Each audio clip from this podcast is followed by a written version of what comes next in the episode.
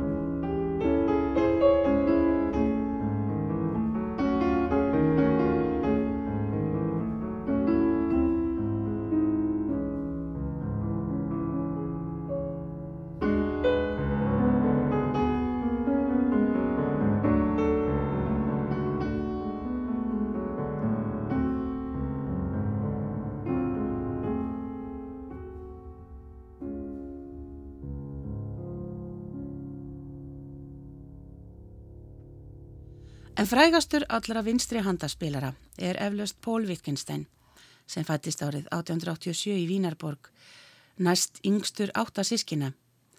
Wittgenstein fjölskyldan var ein af mektar fjölskyldum borgarinnar. Fadurinn Karl Wittgenstein hafði efnast gríðarlega á járniðnaðnum og var í raun einn af ríkustu mönnum heimisum aldamóti 1900. Móðurinn, Leopoldín Kalmus, var velættuð og hafði komið með stóran heimamöndin í hjónabandera. Börnin voru sem sagt átta. Hermín eða Míning var eldst og þótti hún afar fögur, svo fögur að Gustaf Klimt gerði hana ódöðlega í portréttmynd sem hún að vísu kunni aldrei við og faldi upp á háalofti til döðadags. Svo var það Jóhannes eða Hans og svo Konrad eða Kurt, Helena eða Lenka, Wittgenstein var svo fjórða í rauðinni, svo kom Rudolf sem kallaði var Rudi og svo var það Margaret sem kallaði var Gretel þá Pól og svo yngstur var Ludvík, hinn frægi heimsbyggingur. Öll voru sískinnið með eindami músikalsk en aðeins Pól gerði tónlistina að atvinnu sinni. Þessi tíumanna fjölskylda lifði við allsnæktir, átti til dæmis einar vetrahall við Allegasse í Vínarborg með ótal herbergjum og sölum þar sem haldnir voru prívat konsertar meðal annars í tónleikasal sem skartaði tveimur Bösendorfer flíknum í konsertstærð og þar áttu leið um menn líkt og fyluleikarinn Jósef Jóakim, Arnold Schönberg, Jóhannes Brahms, Gustaf Mahler, Jósef Labor og Richard Strauss sem einn ungi Pól Wittgenstein spilaði stundum duetta með. Og einn aðalkennari Póls var Theodor Lesetitski sem þá hafði lagt grunnina rúsneska píjónaskólanum í Pétursborg. En Vínaborg sem satt yðaði af lífi, mannlífið var fjölbreytt og allt virtist leika í lindi. Amerískur diplomati skrifaði árið 1898. Maður þarf ekki að hafa verið lengi í borginni til að átta sig á því að þessi borg er ekki germönsk.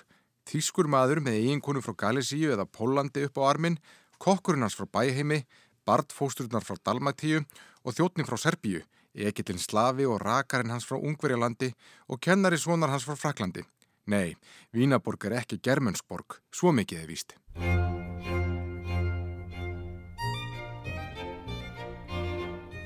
En 1. desember 1913 var heldur betur stór dagur fyrir Wittgenstein fjölskylduna eða það sem eftir var af henni. Karl Wittgenstein fadurinn hafði látist úr krabbaminn í munni árið áður. Hans hafði horfið árið 1902 aðeins 25 ára og talið að hann hafði stitt sér aldur og Rúti hafði fyrirfarið sér með því að drekka eitur á bar árið 1904 þá 23 ára. Og Ludvík hann var farin úr landi. En 1. desember var dagurinn sem fjölskyldan hafi tekið frá gildasalinn í músikferæn tónleikahúsinu í hjarta Vínaborgar fyrir debut tónleika Póls. Hann hafði pantað tónkunstler hljómsveitina sem var ekki alveg jafn virt eða góð og vínarfílarmonían en kostaði helmingi minna. En peningar voru ekki vandamálið. Heldur vildi Pól ekki spila með vínarfílarmoníunni þar sem hún myndi ekki spila eins og hann vildi og það er eins og ríða á hesti sem maður réð ekki við, skrifaði hann. Og ef vel tækist til, þá þið fílarmóníunni eignað heiðurinn. Þannig að tónkunstler hljómsveitin varð fyrir valinu og hljómsveitastjórin Óskar Nedball sem hafi verið nefandi tvorsjak. Sá átti einni eftir að taka sitt eigið líf á gamlarskvöld árið 1930 hoppaði hann út um glugga og hótel í Zagreb en það er hann að sagja en prógrami samanstóð sem sagt af pianokonserti eftir John Field, Mendelssohn serinuðu og Allegro Giocoso tilbreyðum um stef eftir Czerny eftir kennara Póls, Jósef Labor og konserti í Estúr eftir List, risa prógram. En Pól bjóst nú ekki við fullum sal, enda prógramið kannski svolítið gamaldags fyrir Vínarbúa og hann óþektur en salurinn hefur alls 1645 sæti og 300 stæði. Engar sögur fara af því hvernig hinnum 26 ára gamla Pól Wittgenstein leið fyrir tónleikana. Hvort hann var taugaveiklaður eður ei, en síðar í tíma heimildir geta þess að hann hafi alltaf átt í erfileikum fyrir tónleika. Átt að til að berja höfðin í vegg og tæta í sundur nóturna sínar af einskjari taugaveiklun.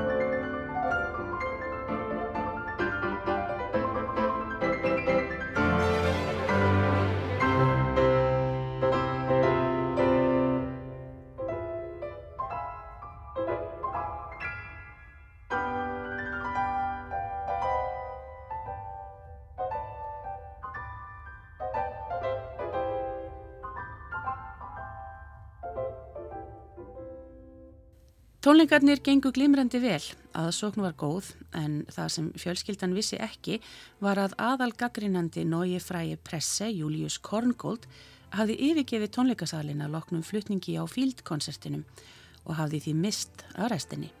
Næstu dagar voru því taugastrekkjandi þar sem fjölskyldan bladaði í blöðum í leitagaggrinni og loksins kom hún 7. desember skrifaði Max Kalbak í Nóis Víner Tagblad. Sérkver ungur maður sem tilherir aðstu stjætt Vínarborgar sem skýst fram á sjónarsviðið sem pianovirtuós og velur sér pianokonsert eftir John Field hlýtur annað hvort að vera brjálaðislega mikill áhuga maður eða að var sjálfsörugur áhuga maður. En herra Paul Wittgenstein sem um er rætt er kvorugt mun betri að öllu leitið að mínu mati. Sannur listamæður. Hann stóðst þessa áskorun án þess að vita hversu hættuleg hún væri, drefin af ást á tónlistinni og leittur af háum fyrirætlunum að leggja þessa prófraun fyrir tónleikagesti. Fyrir okkur var borin gömul tónlist og hún teimdi okkur í áttað ljósaskiptunum. Þurr tónsmið sem allt í einu fyrir var að löst var það blómstrandi blómi. Innan í þessari hreinu og tæru tækni sem í dag virkar á okkur köld og ólífræn býr blíð og viðkvæm sál og við fundum andardrátt hennar þetta kvöld.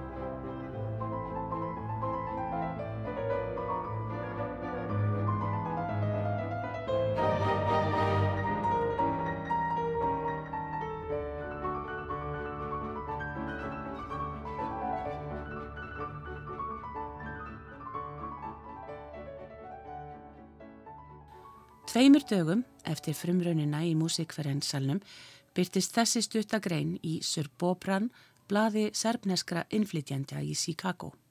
Austuríski krónprinsinn hefur tilkynnt að hann hyggist heimsækja Sarajevo snemma á næsta ári. Hver einasti serbi verður að hafa þetta í huga. Serbar, grípið það sem hendið er næst. Nýfa, rifla, sprengjur og dínamít. Dagur heilarar hendar er að renna upp. Dauði Habsborgararveldisins er yfirvóandi og hver sá sem teku þátt í honum mun aldrei gleymast.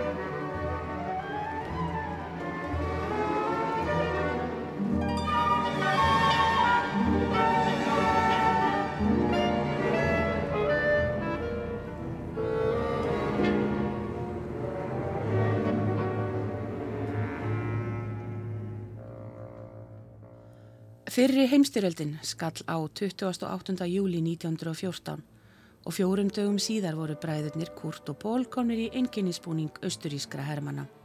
Ludvík skráði sig í borgarlega þjónustu. Þann 23. ágúst sama ár fór Pól á samt sex mönnum í ferð til Tópola í Serbíu til að njóstna um ferðir rúsneskra hermana. Pól fekk í sig skot sem rústaði olbúa hægri handlegsans og var farið með hann á herspítala í nákrenninu. Hann misti meðvitund og þegar hann rangaði við sér sá hann sér til skjelvingar að hægri handlegur hans hafði verið skorinn af við Olbúa og óvinnirnir hefðu hertekið bæin. Hann á samt nokkrum öðrum hermunum voru nú stríðsfangar á leiði í fangabúðir í Omsk í Sýberju. Fyrst fengu þeirra spranga um bæin óáreittir en það fór illa í heimafólk að sjá slasaða hermin, handa og fótalösa og því voru Pól ásamt 800 öðrum limlestum stríðsfengum komið fyrir í fangelsi bæjarins Krepost eða virkinu því sama og Dostojevski hafði kúldrast í á miðri 19. öldinni. Frettir af handtöku Póls bárust til Vínaborgar og þegar áðurnemdur Leopold Godowski heyrði af örlugum hans ákvaðan að umrita nokkrar af shopping-etíðunum fyrir vinstri hendi engungu. Þar á meðal byltingar-etíðuna sem Pól hafi stútirað hjá kennara sínum Lesetitski og þá leikið með báðum höndum.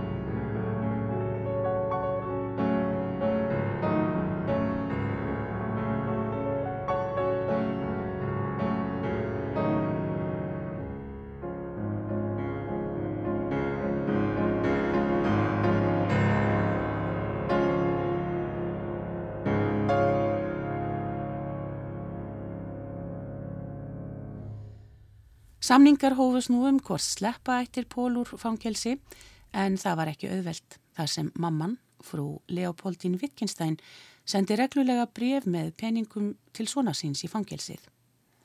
Pól fekk auðvita aldrei peningana en þá tóku verðirnir og þeir voru ekki á því að láta þennan ágæta aukabúskap ganga sér úr greipum. Það fór nú samt svo að Pól kom heim til Vínaborgar, laus úr prísund 21. november árið 1915, staðræðan í því hann á heilsu og byggj upp feril sem vinstri handa píjónuleikari. Þann 11. mars leik hann einleik í nýjum píjónukonserti eftir gamla kennarasinn Jósef Labor sem hann hafi samið sérstaklega fyrir vinstri hendi Póls og í oktober sama ár leik hann píjónupartin í píjónukvartetti einning eftir Labor í útsetningu fyrir vinstri hendi en báðir þessir tónleikar voru heima í Wittgenstein-höllinni í Allegassi. Nokkur síðar var hann reyðubúin að leika ofinbellega og viðtökurnar letu ekki á sér standa. Fólk flyktist til að berja hann augum, hinn einhenda píanista leika verk sem fólk með báðarhendur hefði átt í erfileikum með og nú staldraði gaggrinandin Július Korkold við aðeins lengur, reyndar helt hann út alla tónleikana. Pól Wittgenstein leikur ekki á hljóðfærið með vinstri hendi á þann hátt sem tvær hendur þurfa til, heldur á þann hátt sem aðeins einhendur maður getur leikið. Leikur hans ætti því að vera metin á þeim forsendum. Wittgenstein er tilfinninganæmur tólkandi. Tónleikarnir voru vel hefnaðir og það verður á hrósónum fyrir þá yfirburðafærni sem hann hefur náð með vinstri hendinni einni og hann á heiður skilið fyrir þann sigur sem það er að stíga á sviðið aftur eftir missi handlegsins sem hann virðist ótrúlegt en satt ekki sakna. Allir í fjölskyldinni voru í sjönda heimni að sjálfsögum nema Ludvík sem gæti ekki hugsa sér að horfa á bróðusinn leika gera sig að atlægi og held því fram að enginn kæmi til að hlusta á hann spila heldur einungis til þess að horfa á hann eins og furðuverka síningu í sirkus. Það því við hæfi að fræðast aðeins betur um þennan dularfulla bróður og til þess er til minn komin Þorbergur Þórsson. Og ef ég byrja bara á því að spyrja þig Þorbergur, segð okkur aðeins hver var uh, að Ludvík Wittgenstein? Já, hann var sem sagt yngsta barn í, í stóri fjölskyldu, 87 eldri sískinn, e, fættist 1889 í, í Vín og fóröldrar hans voru stór auðugt fólk í, í borginni. Og mammans e, var flinkur píanisti og mikil, mikil hæfileika kona í píjánuleik Pappans var líka hljómlustamæður uh, eh, þar að segja hann hefði verið, hann hefði var upprestagat sem ungum maður og hefði farið til bandaríkjana og unni fyrir sér sem hljóðfæralegari. Áður en hann svo gerðist eh, svona verkfræðingur eða tekniteknar eða eitthvað svoleiðis og, og svo síðar yðnjöfur. Og þetta var, fjölskyldan var mikið svona list unnenda fjölskylda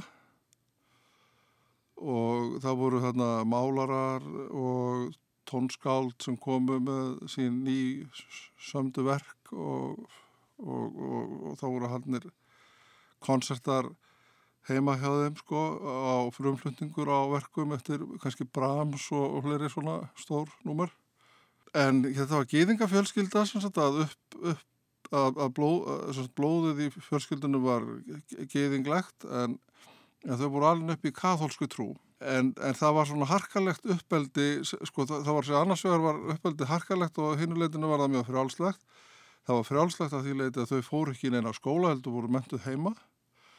Og það gekk reyndar illa sem sagt mentunin heima því þau komust þá ekkit endilega í góða skóla þegar þau stakkuðu eins og, og Lúðvík Vittgenstein hann, hann komst ekki í góða skóla sem, sem, sem unglingur En svo var á hinbógin harkalegt að það var ætlast til þess að þau yrðu, að strákarnir yrðu svona, svona færi út í atunilífið og yrðu kannski rekstrar færi að stjórna fyrirtækjum og þess. Og það var harkalegt vegna þess að þetta fólk var, var, tón, þetta var tónlistarfólk. Þetta voru tónlistamenn sem alltaf nátt að fara að verða einhvers konar forstjórar sem er ekki, eh, þeim leist ekki vel á og, og ég held að hafi fræmið sjálfsmórð út á einhverju svoleiðis, kannski tveir, tveir þeirra.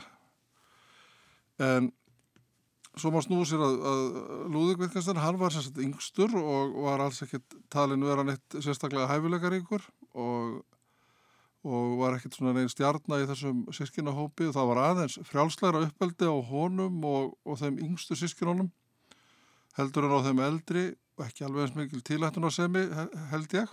En þegar hann var ungur þá fór hann í gagfræðaskóla sem að reyndar á sama tíma og jafnaldra hans var í sem Adolf Hitler, Hitler. Þeir voru ekki sagt, skóla, þeir voru jafnaldrar og í sama skóla en, en það er ekkit vita til þess að þeir hafið þekst, þeir voru ekki í sama bekk.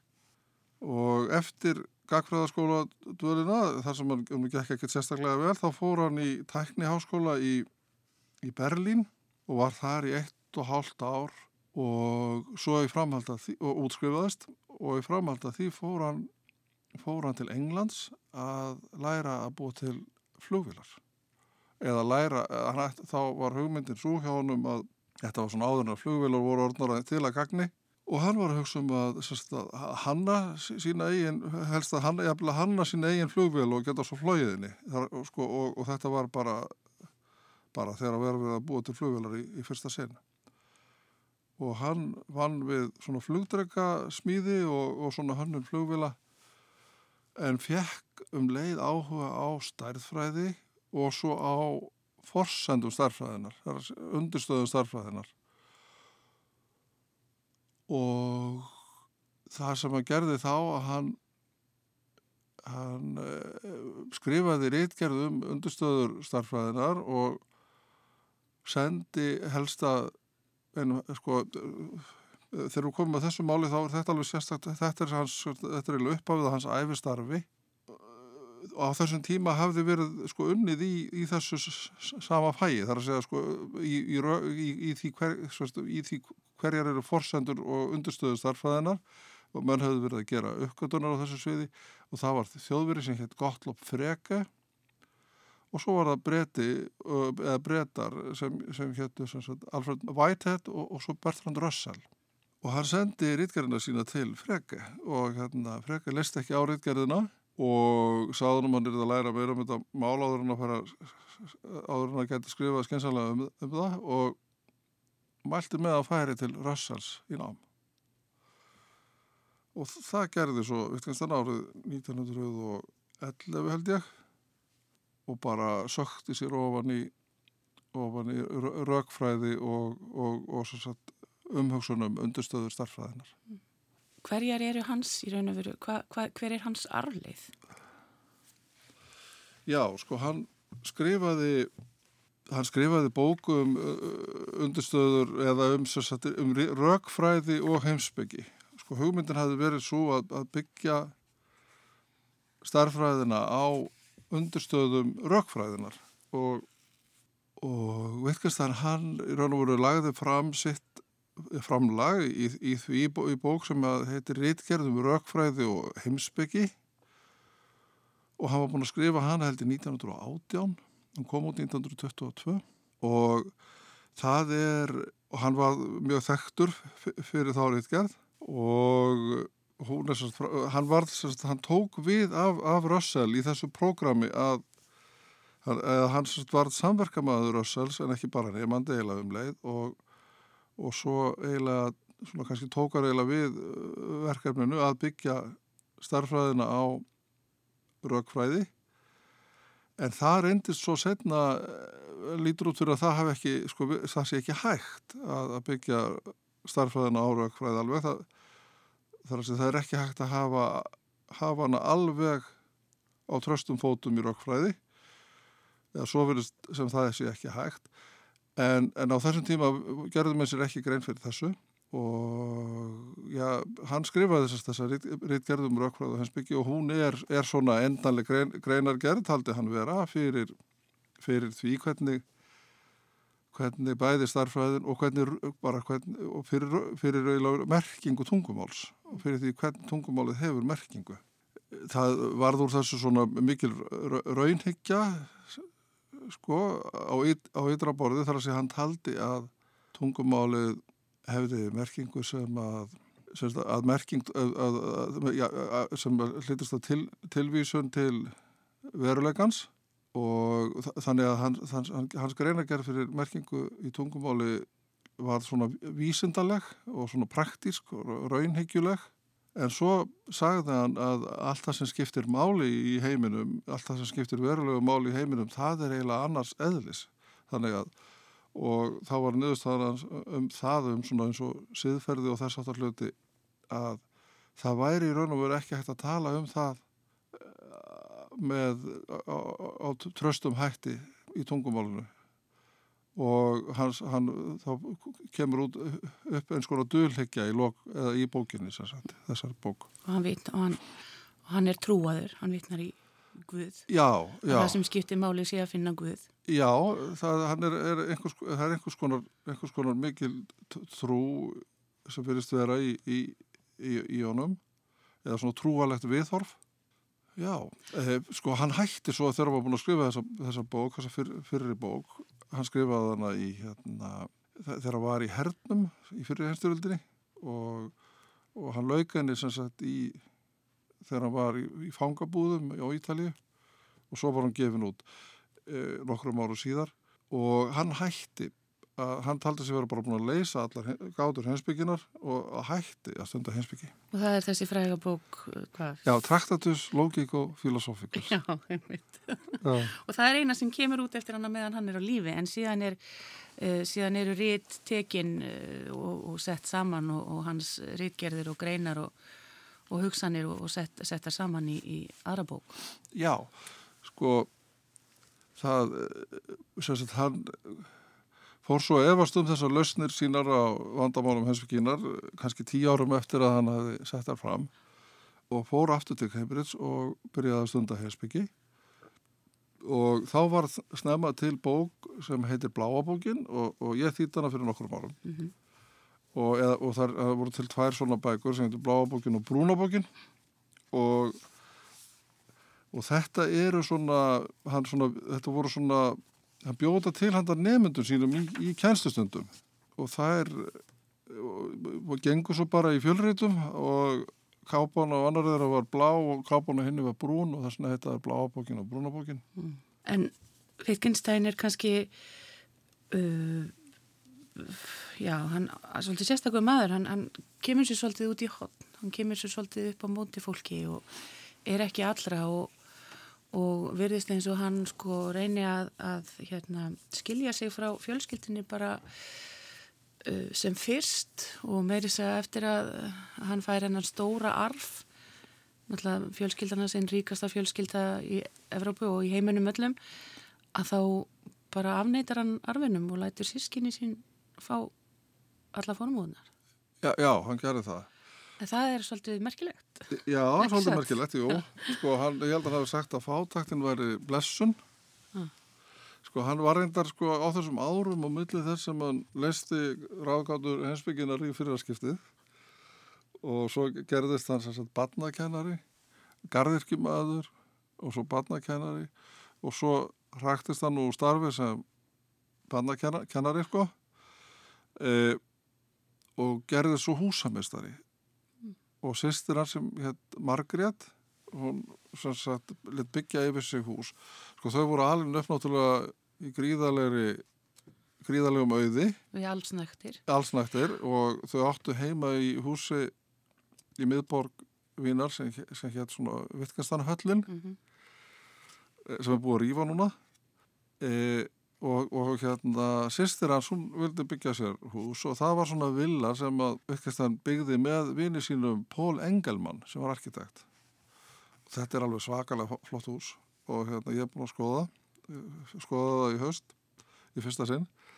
Og hérna þetta er sko, það var alveg sögulegt hvernig það var búið til sko uh, skilsmanni að það var svo, svo strángur sko, hérna Wittgenstein við smiðina og, og tekni fólkið sko.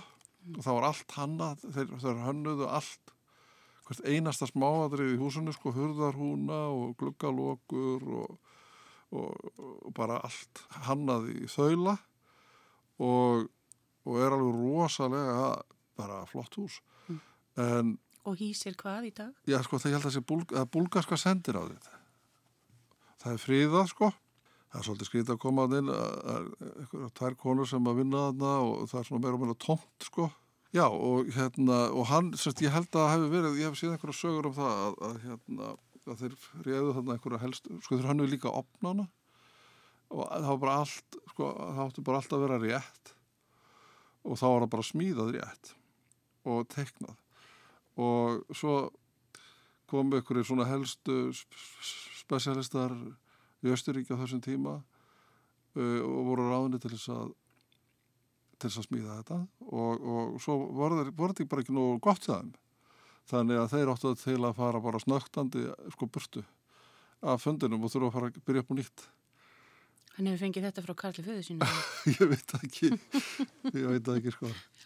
Já, ég veit Já. ekki svo, en, en, en hann er þess að af byrjungum, hann gaf heldur tveimur skáldum og kannski einhverjum fleirum, daldum fjö uh, hann gaf hérna uh, annar, þeirra, var Georg Trakl uh, og hann gaf þeim svolítið penning og síðan skiptan afgangnum á mellið sískina sinna. Þorbergur, takk fyrir að koma og, og segja okkur aðeins örlítið frá honum Ludvík Wittgenstein. Já, takk.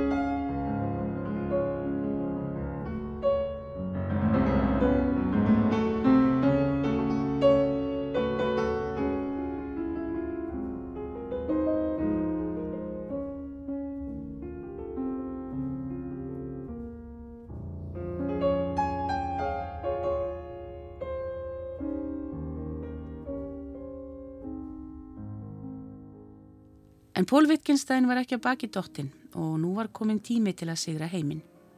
Árið 1917 leik hann í París, Berlín, Wroclaw, Klatno, Brno, Prag og á fleiri stöðum og var hann hvarvetna vel tekið. Nú vantaði hann fleiri verkefni. Hann hafði því samband við tónskáld til að semja fyrir sitt tónlist fyrir vinstri hendi og þau voru nokkur sem tóku þeirri áskorun. Meðal þeirra voru Maurice Ravel, Sergei Prokofjev og Erik Wolfgang Korngold sem allir söndu vinstri handa konserta fyrir hann. Prokofjev konsertin leik hann aldrei þar sem hann saðis hvorki skilja upp nýja niður í tónlistinni. Ravel konsertin leik hann mörgum sinnum og er það sá konsert sem hvað mest hefur verið leikin af þessum þremur. En Pól Wittgenstein held mest upp á konsert Korngolds og bað hann í kjölfarið um að semja meira fyrir sig sem hann og gerði.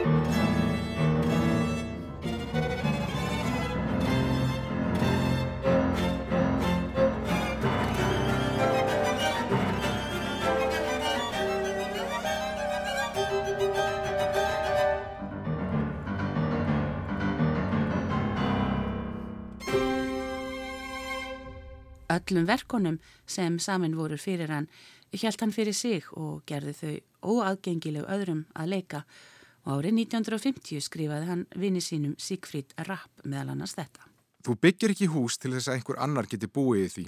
Ég pantaði þessi verk og borgaði fyrir þau og hugmyndin var mín. En ég hef enga réttin á flutningi þeirra svo lengi sem ég er ennþá að koma fram ofinbarlega. Það er bara réttlátt. Þegar ég degi eða hætti að spila þá munu verkin verða aðgengileg öllum þeim sem vilja leika þau, því ég hef engan áhuga á því að þau satni ríki á bókasöfnum. Pól Wittgenstein kvæntist nefnda sínum, Hilde Sjanja og eignaðist með henni þrjú börn og eru tvö þeirra enn á lífi, Jóhanna og Pól Yngri. Hann fluttist til Bandaríkjana árið 1938 en það fannst honum sér ekki vært lengur í Vínarborg. Hilde og dæturnar tvær komu til hans, þreymur árum síðar, Pól Yngri fættist í New York það sama ár. Pól Wittgenstein lifði hamingju ríku lífi en hann lést árið 1961, 74 ára aldri. Skulum enda þennan þátt með því að hlýða á hans sjálfan leika La Fileuse, verk eftir vinn hans Sigfrid Rapp, fyrir vinstri hendi. Í hljóritun frá Salle Pleyel í Paris árið 1933. Þannig að til næst hafa það sem allra best.